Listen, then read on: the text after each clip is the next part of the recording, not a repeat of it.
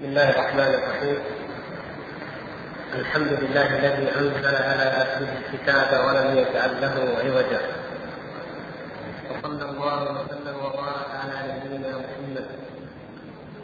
المبعوث رحمة للعالمين بشيرا ونذيرا. وأنزل عليه الكتاب المبين والذكر الحكيم. وجعل آيته وبرهان نبوته هو كلامه سبحانه وتعالى الموحى إليه. المنزل على قلبه. نزل به الروح الأمين من عند الله تبارك وتعالى. وبلغه لرسول الله صلى الله عليه وسلم. وبلغه رسول الله صلى الله عليه وسلم إلى العالمين. وآمن به أصحابه والتابعون ومن تبعهم بإحسان. آمنوا بكلام الله تبارك وتعالى وآمنوا أنه جل شأنه. يتكلم وأن القرآن كلامه وأنه يتكلم متى شاء بما شاء بكيفية لا نعلمها. فلا نكيف نحن بل يتكلم سبحانه وتعالى بلا كيف ولا يحد شأنه سبحانه وتعالى نظر ولا عقل ولا رأي ولا قياس جل وتبارك وتقدس عن أن تصف الأفهام أو تدرك الأوهام صفاته أو كنه ذاته. أما بعد أيها الإخوة فموضوعنا اليوم هو في صفة الكلام. وهذا الموضوع خطير جليل. فقد حدث فيه من الافتراق والافتراق بين الأمة ما لم يحدث في أي موضوع آخر من موضوعات العقيدة. وقد كان أكثر موضوعات العقيدة خلافا هو موضوع الإيمان. كان موضوع الإيمان أكثر الموضوعات في العقيدة خلافا وأكثر المجالات التي تصارعت فيها الفرق واختلفت فيها الآراء منذ أن ظهرت الخوارج إلى القرن الثاني. فلما ظهر القول بخلق القرآن وإنكار كلام الله سبحانه وتعالى أصبحت قضية الكلام هي أخطر وأكبر قضية اختلف فيها الناس وتجادلت فيها الفرق وتنوزعت فيها الآراء. ولم يكن النبي صلى الله عليه وسلم وأصحابه لم يكونوا يعرفون التفكر ولا التمنطق ولا الابتداع وإنما كانوا يؤمنون بما أنزل الله ويتبعون ما جاء من عند الله ويعلمون أن ربهم تبارك وتعالى أجل وأعظم من أن يكون صنما لا يتكلم. كيف والهدى إنما نزل إليهم بكلام الله سبحانه وتعالى. وكيف وهم إنما يحرصون على القرآن لأنه كلام الله سبحانه وتعالى. كيف والله تبارك وتعالى يقول لنبيه محمد صلى الله عليه وسلم وإن أحد من المشركين استجارك فأجره حتى يسمع كلام الله. كيف والله تبارك وتعالى يقول في حق اليهود واتخذ قوم موسى من بعده من حليهم عجلا جسدا له خوار ألم يروا أنه لا يكلمهم ولا يهديهم سبيلا. اتخذوه وكانوا ظالمين. فالرب والإله والمعبود الذي لا يتكلم ولا يهدي. هذا جمال. هذا جمال. هذا صنم لا يستحق أن يعبد. مثل ما كانت الأحجار. التي يعبدها الكفار ومثل الأشجار والنيران والأبقار وبقية الأوثان التي يعبدها الكفار. لا تكلمهم ولا تهديهم سبيلا. هكذا كان العجل الذي عبده بنو إسرائيل. فجاء أحفاد عبدة العجل ليعلموا المسلمين أن ربهم تبارك وتعالى لا يكلمهم ولا يهديهم سبيلا. أما الكلام فقد أنكروه وأما الهداية فقالوا إن العقول تستقل بمعرفة الحق والبراهين العقلية قائمة وما جاء في كتاب الله وفي سنة رسول الله صلى الله عليه وسلم موافقا للبراهين العقلية قبلوه وما جاء مخالفا لها ردوه. فإذا هم جعلوا لله تبارك وتعالى صفات العلم ما جعلوه للعلم لا يكلمهم ولا يهديهم سبيلا. اتخذوه وكانوا ظالمين. وهذا ظلم والظلم إن الشرك لظلم عظيم. هذا شرك أن يتخذوا إلها غير الله. والدليل على كذبهم في ذلك وإفكهم وأنهم مشركون وانه ليس بإله هو من واقع هذا الإله أنه لا يكلمهم ولا ياتيهم سبيلا. وتسألون أيها الإخوة وتتساءلون كيف أو متى ظهرت المقاله بخلق القرآن؟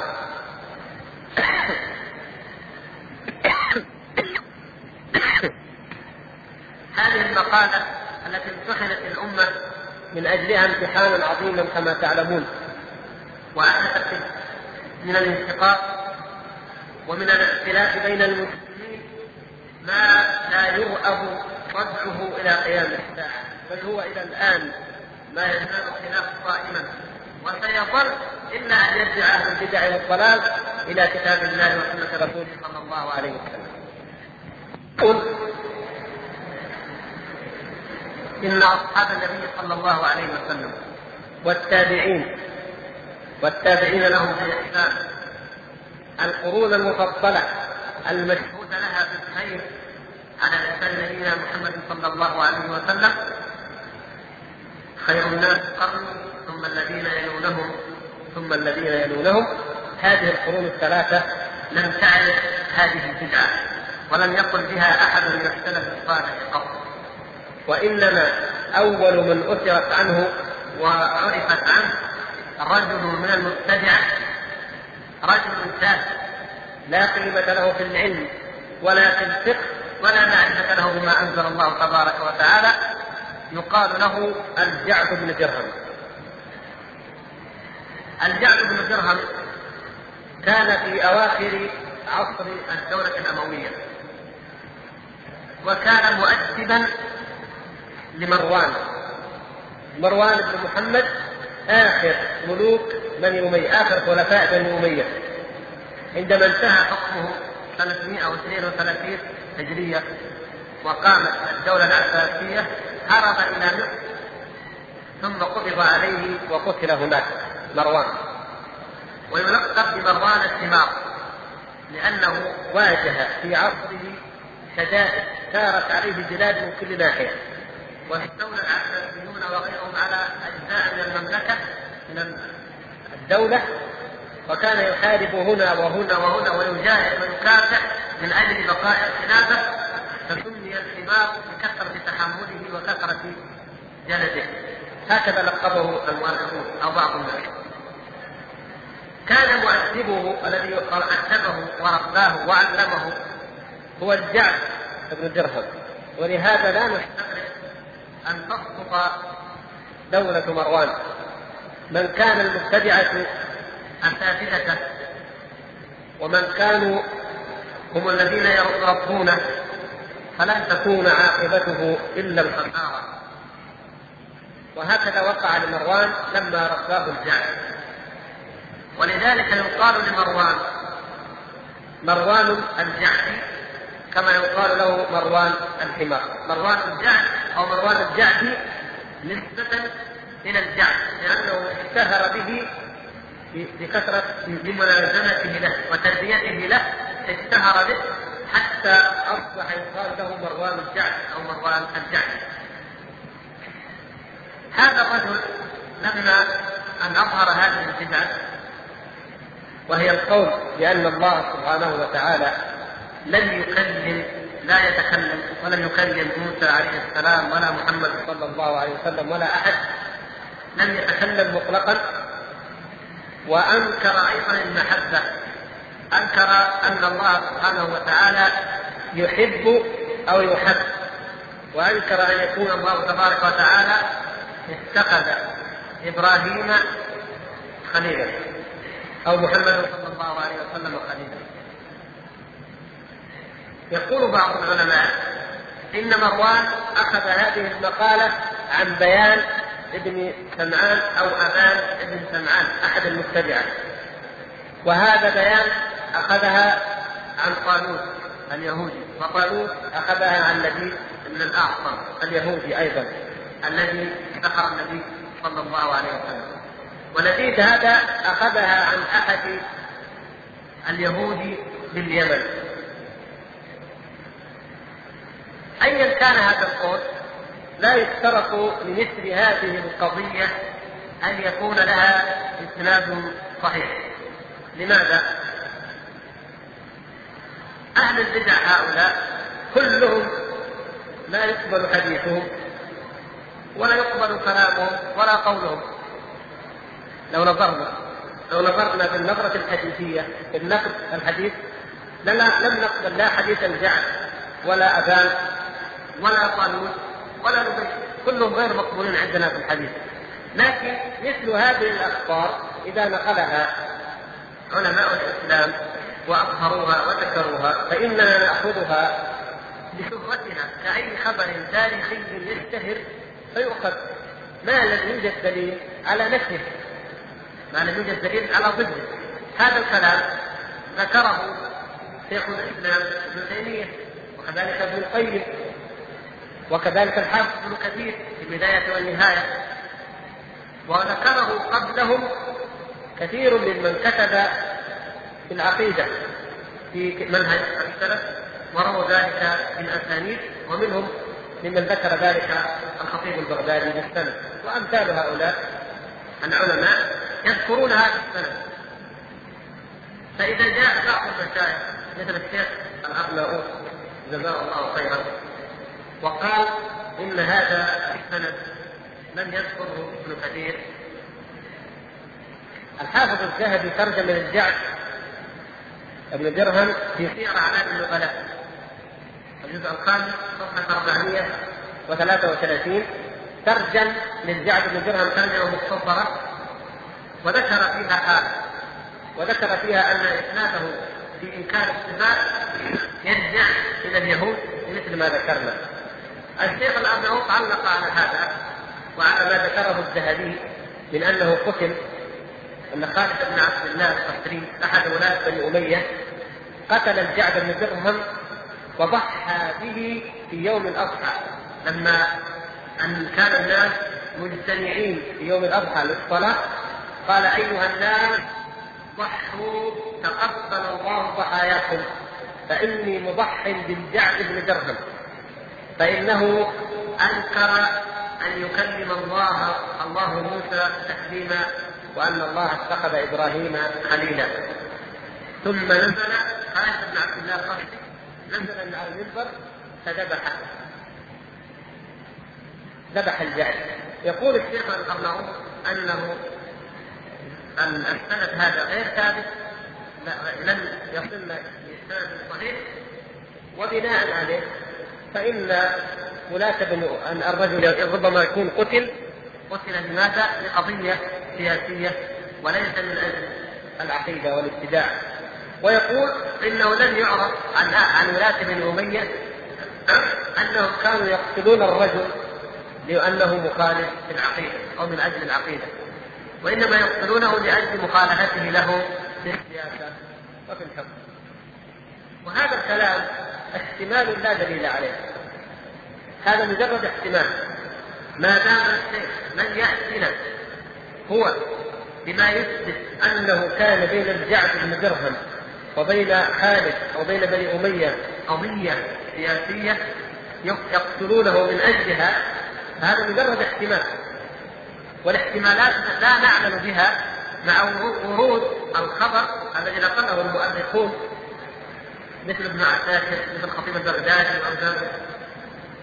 في كتبهم وذكره المؤرخون من بعد ذكروا أنه قتل لهذا السبب وأن خالد بن عبد الله قال هذا الكلام. فليس هناك؟ لا نستطيع أن نرد هذا الكلام إلا بدليل وليس هناك دليل. لم يعطنا أحد دليل على أن السلف كان قضية سياسيه. وأما خلفاء بني أمية وأنهم لم يكونوا يقتلون أحدا من أجل عقيدته فهذا غير صحيح. تعلمون أيها الإخوة أن الدولة الأموية كانت بعد عصر الراشدين وقامت هذه الدولة مع وجود عدد من أصحاب النبي صلى الله عليه وسلم وكان عبد الملك بن مروان على سبيل المثال كان صنوا ونظيرا لسيد التابعين سعيد بن المسيب رضي الله تعالى عنه. طلب وهو وإياه وهو وعبد الملك. طلبا العلم معا وطلبا الحديث والفقه معا. وكان له مثل ما كان لسعيد من المكانة العلمية ثم انصرف آخر أمره إلى الدولة وإلى تدبيرها. ثم كان الوليد ابن عبد الملك وكان حريصا على العلم وعلى الجهاد والدعوة. ووجد في خلفاء بني أمية الكثير من أهل الفضل والتقوى والصلاح. عدا عن كون معاوية رضي الله تعالى عنه صحابيا دليلا لا يطعن فيه إلا زنديق وعدا عن كون ابنه يزيد بن معاوية كان قائد الجيش الذي فتح الذي آه، حاصر القسطنطينية. يزيد بن معاوية الجيش إلى القسطنطينية وقد صح عن النبي صلى الله عليه وسلم أنه قال أول جيش يغزو القسطنطينية مغفور له. أول جيش من أمتي يغزون القسطنطينية مغفور له. حديث صحيح عن النبي صلى الله عليه وسلم. فهذا كان قائد هذا الجيش الذي بشره النبي صلى الله عليه وسلم بالمغفرة. كان قائده هو يزيد ابن معاوية وكذلك فيهم عمر بن عبد العزيز ولا يستطيع أي مؤرخ ولا أي عالم بالرجال أن ينكر فضله وحسن سيرته التي كانت مشابهة لسيرة جده عمر بن الخطاب رضي الله تعالى عنه. وكان فيهم وكان من الرجال الذين كانوا حزبا للإسلام ويشهد بذلك الحديث الصحيح المتفق عليه قول النبي صلى الله عليه وسلم لا يزال هذا الدين عزيزا ما وليه اثنا عشر خليفه كلهم من قريش. بعض العلماء وربما كان هذا التفسير هو الأوجه والأولى والأصح يقولون إن الاثنا عشر خليفه هؤلاء قد مروا هم من الخلفاء الذين سبقوا فمنهم الخلفاء الراشدون الأربعة ثم الذين من بعدهم هم قطعا من بني أمية. لأن الفتوحات في عهد بني أمية توسعت وعز الإسلام عزا عظيما لم يبلغوا في أي مرحلة من المراحل. وكان عز عز الدين أيضا مع وحدة الكلمة. كان المسلمون جميعا منضوين تحت لواء خلافة واحدة. بخلاف الحال في بني العباس فقد تفككت كانت الخلافة الأموية في الأندلس ثم تفككت مناطق أخرى. فكان الإسلام أعز شيء في الانتشار في الأرض والقوة والظهور كان في أيام بني أمية. كما تعلمون أن قتيبة بن مسلم قائد جيوش الوليد في المشرق لما ذهب أقسم قتيبة أنه ليطأ أرض الصين. أقسم أنه يطأ أرض الصين. وتوغل في بلاد ما وراء النهر إلى أن وصل إلى تركستان المسمى الآن تركستان والتي هي خاضعة الآن للصين وأقسم أنه يطأ أرض الصين. فأرسل ملك الصين إليه وزراءه ووفده وقالوا له لا تدخل إلى أرضنا ونحن نرضيك بما تشاء. وندفع لك من الجزية ما تشاء.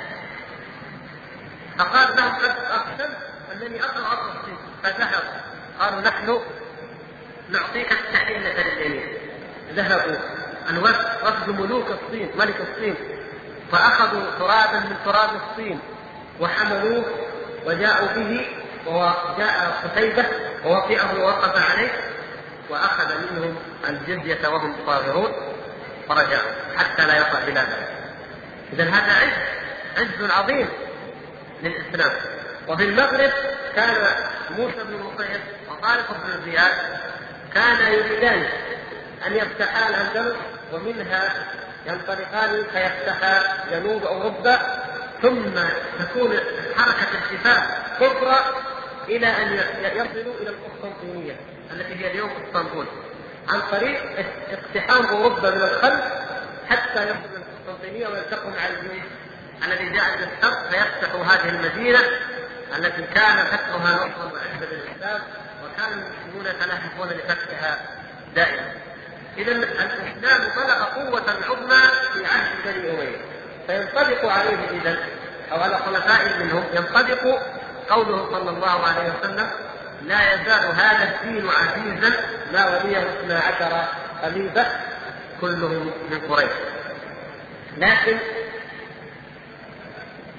قول الشيخ إذا أن بني أمية لم يكن معروفا عنهم أنهم يقتلون الرجل من أجل العقيدة لا يصح الجهم بن صفوان هو تلميذ الجعد بن درهم وأيضا قتل وقتل من أجل عقيدته من أجل بدعته حتى أن سلم بن أحول الذي كان والي الشرطة في تلك البلاد في خراسان لما قبض على الجهم وجيء به قال له الجهم اصفح عني واعف عني وكذا وكذا كان يتوسل إليه.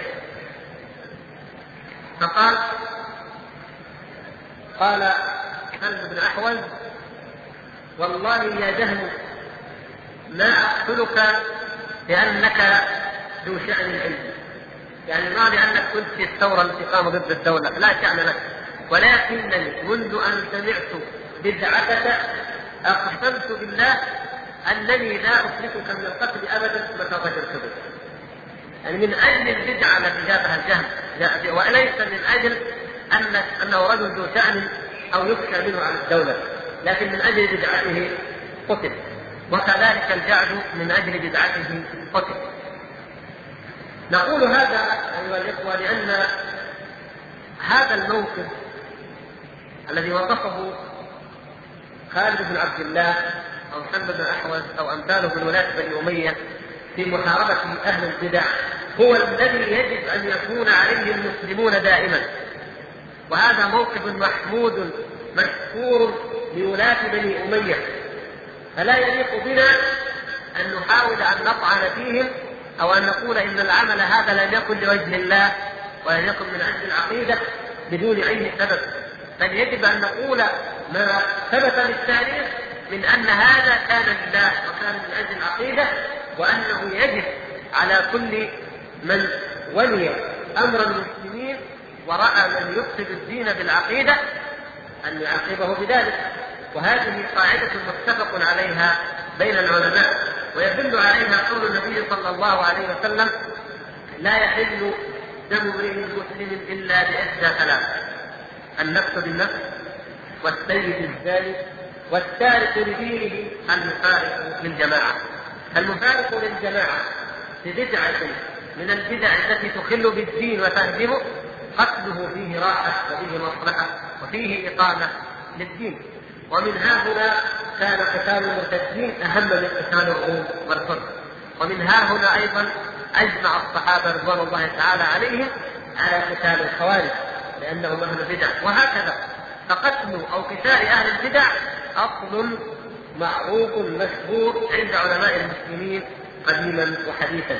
ولا ينبغي لنا أن نخرج هذه الأعمال التي قام بها ولاة بني أمية عن هذا المجال. بل يذكرون على ذلك وإن كانت له أخطاء أو عيوب فإن المرء المسلم له حسنات وله سيئات. والله تبارك وتعالى هو الذي يتولى الحساب وهو العليم بالسرائر إذا الجعد بن درهم كان هو الذي أحدث القول بخلق القرآن بأن القرآن مخلوق. وأما ما قاله الشيخ الأرناؤوط وقاله غيره من كيف يكون الجعد؟ أخذ هذه المقالة عن اليهود مع أن اليهود مشهور عنهم التشبيه والتنزيل كما قد ذكرنا مرارا وأن الرافضة كانوا على التشبيه لأنهم نقلوه عن اليهود فاليهود حتى في التوراة المحرفة الموجودة إلى الآن فيها كثير من التشبيه والتمثيل الله سبحانه وتعالى بخلقه الذي لا يليق بجلال الله سبحانه وتعالى.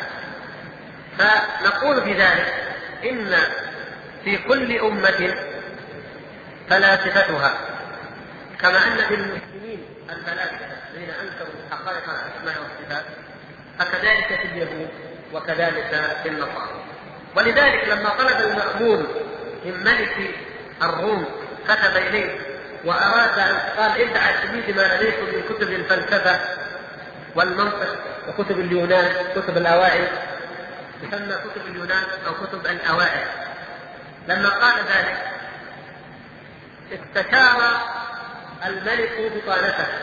فقالوا كيف نعطيهم تراثنا؟ هذا تراث وهذا علم وهذا حضارة لنا ملك لنا. كيف نعطيهم؟ المسلمين فقال أحد الاساقفه وكان ذكيا لذيذا فطنا قال لا ابعثوا بها اليهم فوالله ما ما تعلمها أصحاب دين إلا كانت وبالا عليه. وابعثوا بها. أرسلوها للمسلمين. وليترجموها وليقرأوها فإنها سوف تكون وبالا على دينهم. ولا خير فيها أبدا. وبالفعل الذي هدم دين موسى عليه السلام أن اليهود دخلوا في الفلسفة. وكان منهم الفيلسوف المشهور أفلوطين أفلوطين غير أفلاطون يا إخوانا. أفلاطون هو الفيلسوف اليوناني المعروف. أفلوطين هذا رجل يهودي أدخل الفلسفة في دين اليهود. وأخذ كلام أفلاطون وعدل ونقح وزاد فيه كما فعل في الإسلام ابن رشد وأمثاله. فعل هو في اليهودية وأدخلها وتسمى يسمى مذهبه الأفلاطونية الجديدة أو الأفلاطونية الحديثة. الأفلاطونية القديمة هي أفلاطونية أفلاطون. الأفلاطونية الجديدة هي أفلاطونية أفلوطين اليهودي قبل المسيح عليه السلام قبل ميلاد المسيح عليه السلام بأكثر من قرنين أو ثلاثة كان أسلوكين إذا اليهود كان فيهم المتمسكون بالتوراة هؤلاء يمثلون فيهم التمثيل والتشبيه. ولكن المتفلسفون من اليهود المتفلسفين من اليهود الفلاسفة من اليهود كانوا مثل أخلوقين وأشياء كانوا ينكرون الصفات فكانوا على مذهب اليونان. اذا هذا هذا شيء. فعندما نقول إن أصل إنكار الصفات عن اليهود لا يعني أنه عن الأحبار المؤمنين بالتوراة لا يعني بالضرورة أنه منقول عن الأحبار المؤمنين بالتوراة وإنما عن فلاسفة اليهود. والشيء الآخر الذي يؤيد ذلك أن الجعد بن درهم كما يقول شيخ الإسلام ابن تيمية كان من أهل حران من أهل حران من بلاد الشام. وهؤلاء كانوا على دين الصابئه وما تزال طائفة الصابئة في تلك البقاع إلى اليوم. فهؤلاء على دين الصابئة وأصل الصابئة فيه خلاف. لكن يرجح والله أعلم أنهم كانوا قوم إبراهيم عليه السلام الذين انحرفوا عن التوحيد وهم كانوا يعبدون الكواكب. فكانوا يعبدون الكواكب ثم دخلتهم الفلسفة وأصبحوا يفلسفون العقائد والأمور بحسب عبادة الكواكب وبناء على عبادة الكواكب. ومن ذلك من فلاسفتهم كان من ينكر صفات الله سبحانه وتعالى على نفس المنهج اليوناني القديم. والجعد كان من تلك البقاع وعاش فيها وتعلم من فلاسفتها هذه البدعة. الشيء الآخر أن بعض المؤرخين والباحثين يقولون إن المعتزلة أخذوا القول بإنكار الصفات من النصارى. فانبرع بعض المسلمين أو بعض الباحثين المسلمين وقال إن هذا من تشبيه التاريخ الإسلامي. كلما كان عندنا رجل مفكر أو مكتشف أو عبقري يأتي الغربيون وينسبونه إلى اليهود وينسبونه إلى النصارى. وأخذ يدافع عنهم ويقول إن المعتزلة أخذوا هذا من القرآن وأرادوا أن ينزهوا القرآن.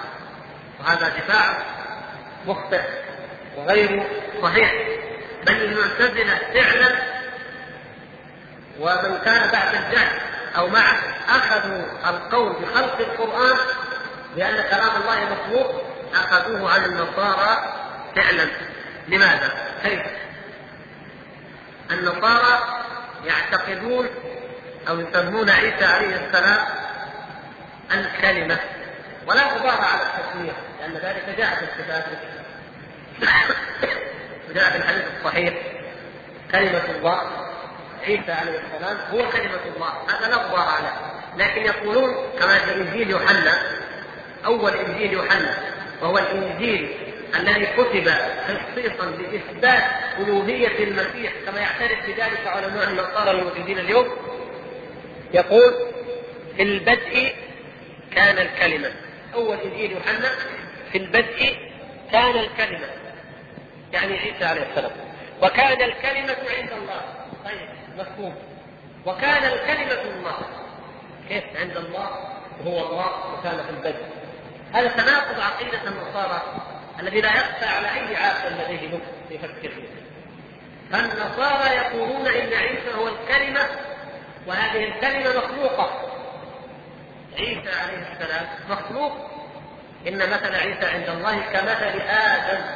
خلقه من تراب ثم قال له كن فيكون فعيسى عليه السلام كلمة الله بمعنى أن الله سبحانه وتعالى خلقه بكلمة منه. كن فيكون. هل كلمة كن مخلوقة؟ نعوذ بالله هذا كلام الله عز وجل غير مخلوق. المخلوق هو عيسى. ألا له الخلق والأمر؟ الأمر غير الخلق.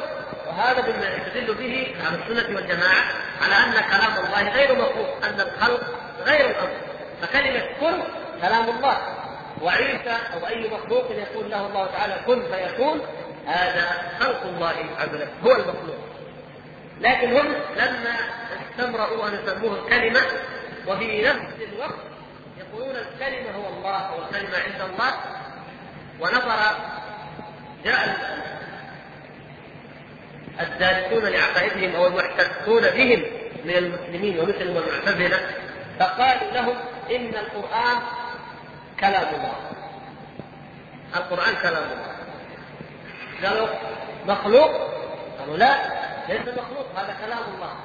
قالوا أنتم تقولون يقولون للمسلمين أنتم تقولون إن عيسى كلمة الله. وتوافقون على أنه كلمة. وتقولون إن عيسى مخلوق. ونحن نقول عيسى إله. أنتم الان تقولون القرآن كلام الله وغير مخلوق بل هو من صفات الله. اذا نحن وإياكم سواء ما الذي تعيبون علينا؟ يقول لا لا إذا نقول القرآن غير غير ليس ليس كلام الله. القرآن مخلوق. عشان نتخلص هكذا قال المعتزلة. قالوا لا أحسن شيء حتى لا يقال إن القدماء متعددين كالنصارى، النصارى يقولون للازل الآلهة أو القدماء كما يسمونهم متعددين ثلاثة. الاب والابن وروح القدس أو الله والكلمة وروح القدس هؤلاء كلهم قدام قدماء يعني لا أول لهم في الأزل الثلاثة مع بعض. فقالوا لهؤلاء إذا قلتم أنتم أيضا إن القرآن قديم اذا أنتم صرتم مثلنا. اذا فلماذا تنتقدوننا؟ قالوا احسن شيء نتخلص من الموضوع وننكر أن القرآن كلام الله ونقول إن الله خلق القرآن مثل ما خلق آدم مثل ما خلق الشجرة مثل ما خلق الحجر مثل ما خلق كذا. تعالى الله عن ذلك علوا كبيرا. فإذا نحن نعرف كيف كان تأثير النصارى في إيجاد عقيدة خلق القرآن وكيف كان تأثير اليهود في إيجاد عقيدة خلق القرآن وأن الذين اختلقوا وابتدعوا هذه البدعة إنما كانوا في الاصل من من مريدي أو من فروع. الصابئين واليهود والنصارى. ولم يأخذوا هذه المقالة لا من كتاب الله ولا من سنة رسول الله صلى الله عليه وسلم ولا من كلام الصحابة ولا من كلام أحد من علماء الإسلام على بل الثابت المنقول عن علماء الإسلام أنه كلام الله القرآن كلام الله غير مخلوق. وقد ذكر الأئمة من ذلك نقولا كبيرة طويلة. منهم على سبيل المثال الإمام اللالكائي صاحب شرح أصول اعتقاد أهل السنة والجماعة. فإنه ذكر أسماء العلماء من الصحابة إلى عصور متأخرة طبقة طبقة في المدينة وفي الكوفة وفي بغداد وفي البصرة وفي كل البلاد. طبقة طبقة من العلماء علماء الحديث والرجال والفقه. والتفسير كل علماء الإسلام يقولون القرآن كلام الله. ومن قال إنه مخلوق فقد كفر. من قال إن القرآن مخلوق فقد كفر لأنه كذب الله تبارك وتعالى. وسوف نناقش إن الله كيف سوف نناقش إن شاء الله هذه الأدلة وهذه الأقوال. نعرضها بإذن الله سبحانه وتعالى. مذهبا مذهبا ونبين بطلان ذلك المذهب. وإنما المقصود الآن هو أن نعرف النشأة كيف نشأت هذه البدعة ومن الذي أحدثها. فلما أن جيء بكتب اليونان بعد أن قتل الجعد وقتل الجهل أيضا وجاء عصر المأمون وترجمت الكتب أنشأ المأمون الدار التي سماها دار الحكمة للترجمة. لترجمه علوم اليونان وعلوم الأوائل. وجاء المترجمون وكان بعض مترجمي الدار من الزنادقة المشهورين أمثال عبد الله بن مقطع الأديب الكاتب المشهور المعروف وامثاله فكانوا هم أيضا ممن تشرب تلك العقائد وآمن بها. فأخذوا يترجمون هذه الكتب. ثم زينوا للمأمون أن يعتقد عقيدة خلق القرآن وقالوا له إن لم تعتقد هذه العقيدة فإن النصارى يفحموننا ويقولون إننا مثلهم. نقول بأن القدماء أو الآلهة متعددة ونحن نقول إن الله وحده هو القديم كما يقولون. نحن نقول هو الأول كما جاء في كتاب الله. فقال قالوا إذا لابد أن تعتقد ذلك وزينوا للمأمون ذلك حتى اعتقده واعتنقه وامن به.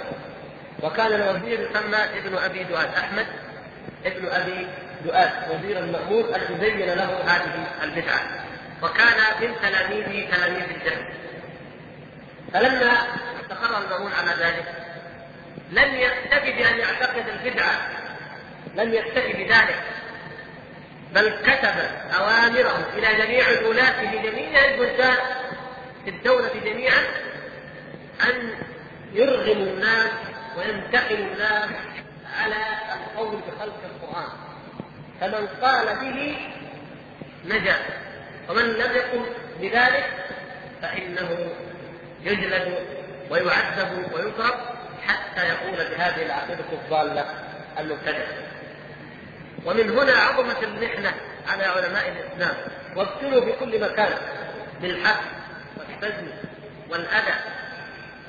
واشتد الأمر واشتد الخطر ونكل بهم نكل بهم المبتدعة الذين ولاهم ابن أبي دؤاد وكانوا شديدي الحقد على هؤلاء العلماء وعلى أهل السنة وعلى العقيدة الصحيحة ومن دان بها كانوا شديدي الحقد عليهم فنال المسلمين بناء بناء عظيم ونكال كبير بسبب هذه الفتنة.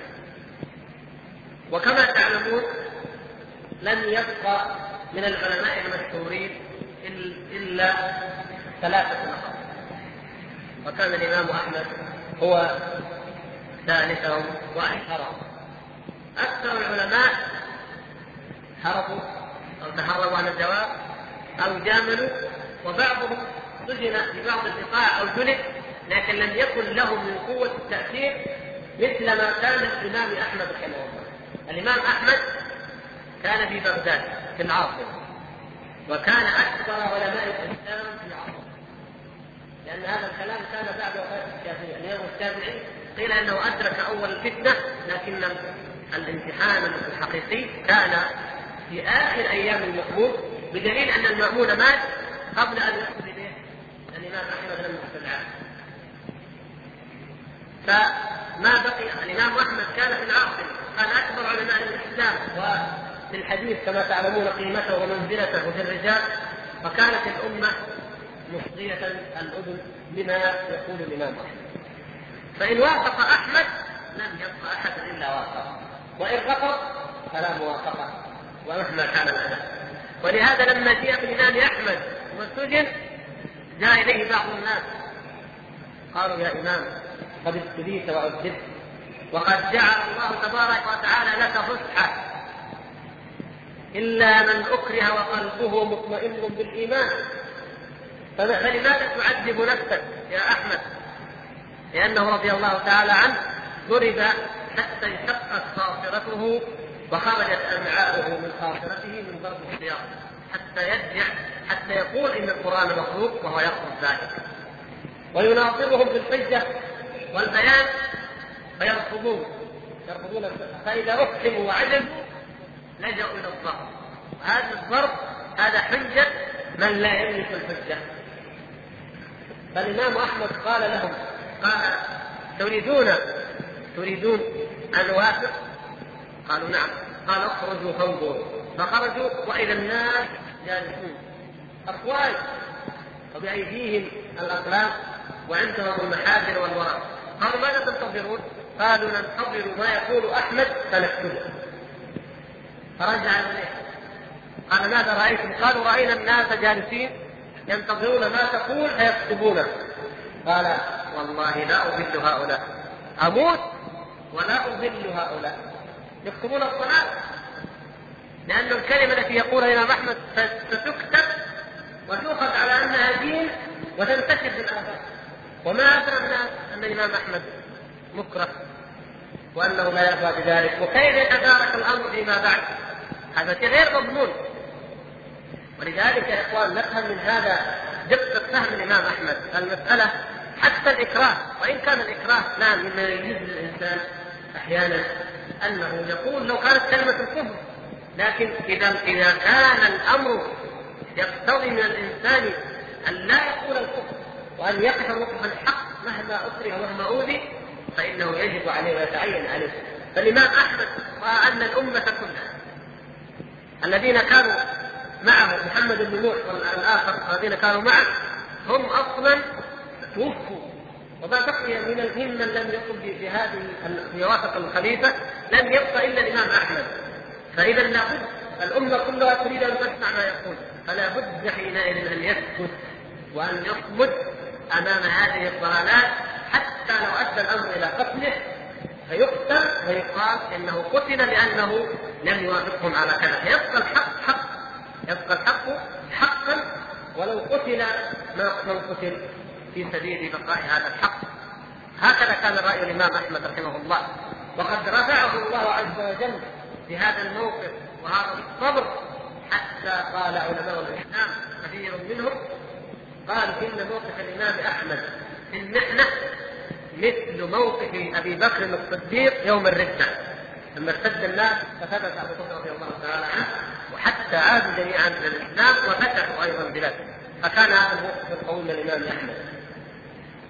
قتل أحمد بن نصر الخزاعي وغيره أيام المعتصم لأن المامون لما طلب الإمام أحمد ليعذبه فدعا الإمام أحمد الله تبارك وتعالى أن لا يريه إياه. كان الإمام أحمد من غير ومن قبل قضية خلق القرآن وقضية البدعه كان الإمام أحمد يتجنب السلاطين ولا يدخل عليهم ولا يقبل هداياهم. ولذلك كان ابنه صالح قاضيا وكان من أعدل الناس كان من أعدل الناس بالقضاء ومن أعلمهم بالكتاب والسنة وكان الإمام أحمد لا يأكل من طعام ابنه مع أنه عبد وثقة لكن قال بأنه يأخذ من من أموال هؤلاء الظلمة. فكان الإمام أحمد لا يدخل عليهم في حال السلم وفي حال المودة حتى المتوكل الذي جاء وأحيا السنة وأعادها وسجن المبتدعه ونكل به وعذبهم حتى ماتوا. ومنهم ابن أبي دؤاد نفسه وأمثاله حتى هذا الإمام أحمد لم يدخل عليه. ولما أصر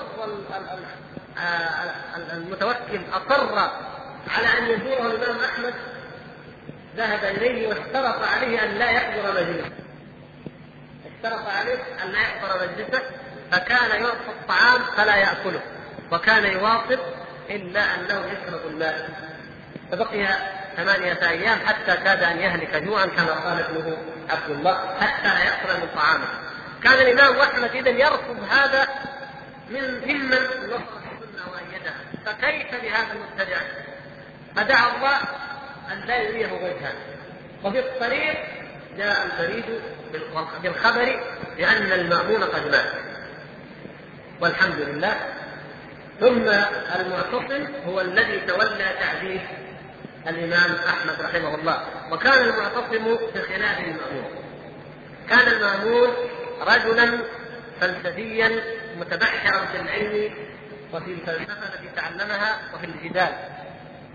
وكان يحضر في مجلسه العلماء من اليهود والنصارى والمسلمين والفلاسفة فيتبحثون في الجدال ويتجادلون جميعا ويشاركهم جميعا. هذا من البدعة لكن هو كان يرى هذا من كثرة تمكنه وعبقريته وعقله.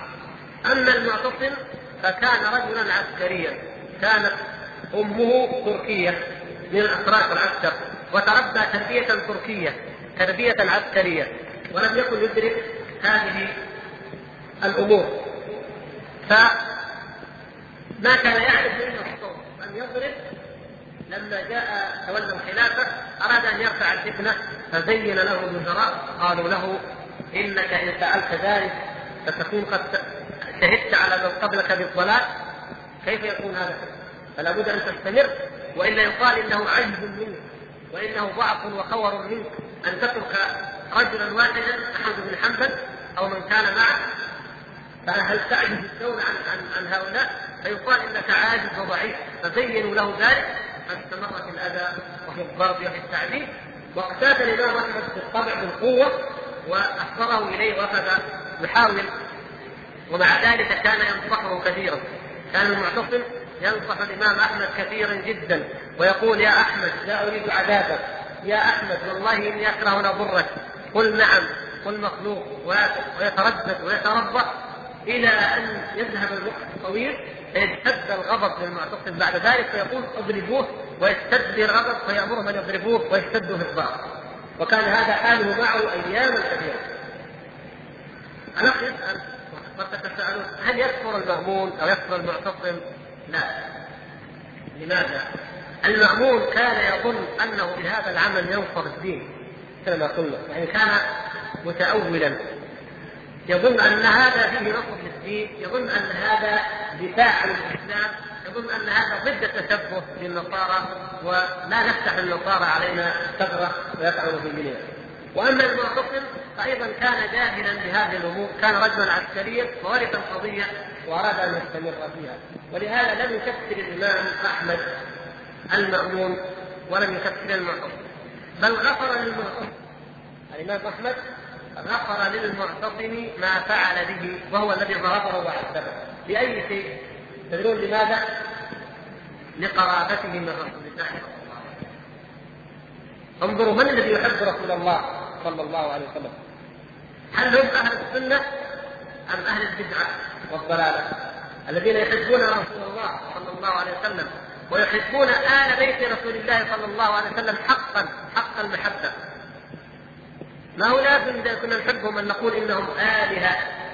تخضع لهم جميع ذرات الوجود والعياذ بالله كما يقول الرافضة. هذه ما هي محبة هذه ألوهية. محبة الرسول صلى الله عليه وسلم وتنفيذ وصيته بآل بيته ما معناها؟ أننا نشرك بالله وندعو رسول الله صلى الله عليه وسلم ونستغيث به والعياذ بالله. لا. هذا صار تأليه هذا تأليه وليس محبة.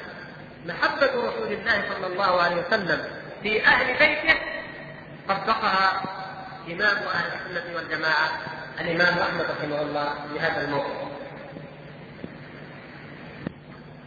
قيل له ألا تدعو على المعتصم؟ وكان معلوما من سيرة الإمام أحمد رضي الله تعالى عنه أنه مجاب الدعوة رضي الله تعالى عنه. لأنه كان من من الأولياء. الولاية الحقيقية يا إخوان الولاية الحقيقية هي من كان على مثل ما كان عليه هؤلاء الأئمة من العبادة والتقوى والجهاد وإحياء السنة ومقاومة الباطل. هذه هي الولاية الحقيقية. وإن لم يكن الإمام أحمد هو الولي فمن الولي بعد السلف الصالح؟ كما يقول الإمام بالجوزي يقول تصفحت سير الناس وحياتهم بعد الصدر الأول بعد الصحابة ومن ربه ومن ربه الصحابة من التابعين والأفاضل فوجدت أفضل الناس وأكثرهم أثرا في الأمة ثلاثة. ثلاثة. عمر بن عبد العزيز وسفيان الثوري والإمام أحمد. ولذلك افرده ابن الجوزي كتب ابن الجوزي كتابه صفوه الصفوة. ذكر فيه العلماء والعباد ولكن افرد هؤلاء الثلاثة كل منهم بكتاب كتاب سيرة عمر بن عبد العزيز معروف مطبوع وكتاب سيرة سفيان الثوري وكتاب مناقب الإمام أحمد. وأعظمهم اثرا كان الإمام أحمد أعظم اثرا أيضا من الإمام سفيان الثوري رحمه الله جميعا لأنه جاء وقت وقت اشتداد البدع وظهورها فتمكن منها. فهذا الإمام أحمد لو جاء على المعتصم أو قيل له ادعو عليه حتى تتخلص من هذا العذاب. فكان الإمام أحمد يعلم أن المعتصم يريد الحق وأنه مغرر به وأنه مخدوع من الوزراء أهل البدع بطانة السوء الذين يزينون الباطل ويدفعون إليه دفعا. فالإمام أحمد قال بل أعفو عنه وأستغفر له لقرابته من رسول الله صلى الله عليه وسلم لأنه من ذرية العباس والعباس عبد رسول الله صلى الله عليه وسلم. فغفر له الإمام أحمد كل ما ناله من الأذى ومن الضرب ومن التعذيب. أما حق الله عز وجل في هذه البدعة فامرهم إلى الله حسابهم على الله. لكن في حكم الدنيا لن يكفر المأمور ولن يكفر المعتصم بما فعلوا. الشاهد يا إخوان أن كانت هذه المحنة العظمى للأمة من أجل أن تقر وأن توافق بأن القرآن مخلوق وأن كلام الله عز وجل مخلوق وأنه ليس وحيا منزلا من عند الله وتكلم به الله الله سبحانه وتعالى عن الحقيقة.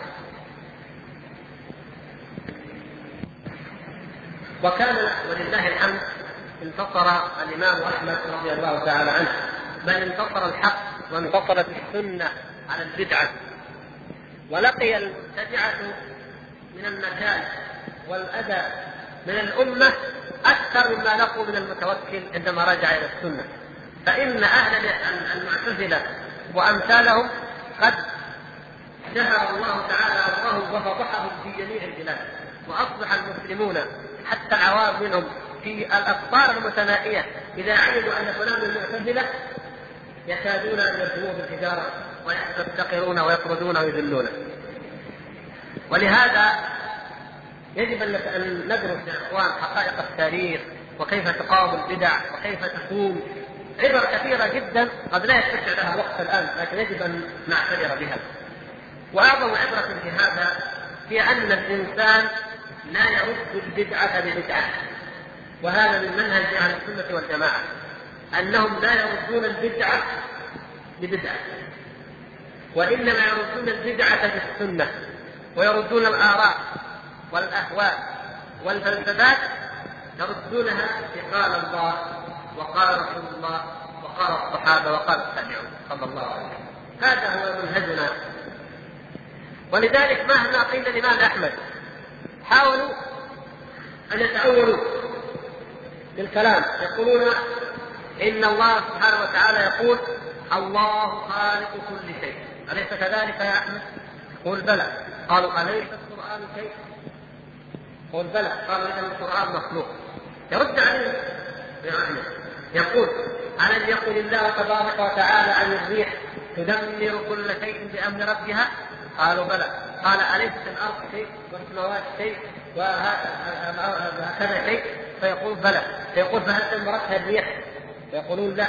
وهكذا. كان يقاوم الحجة بحجة أقوى منها. فيقولون مثلا الحمد لله الذي جعل الحمد لله الذي خلق السماوات والأرض وجعل الظلمات والنور. قالوا جعل بمعنى خلق. صحيح؟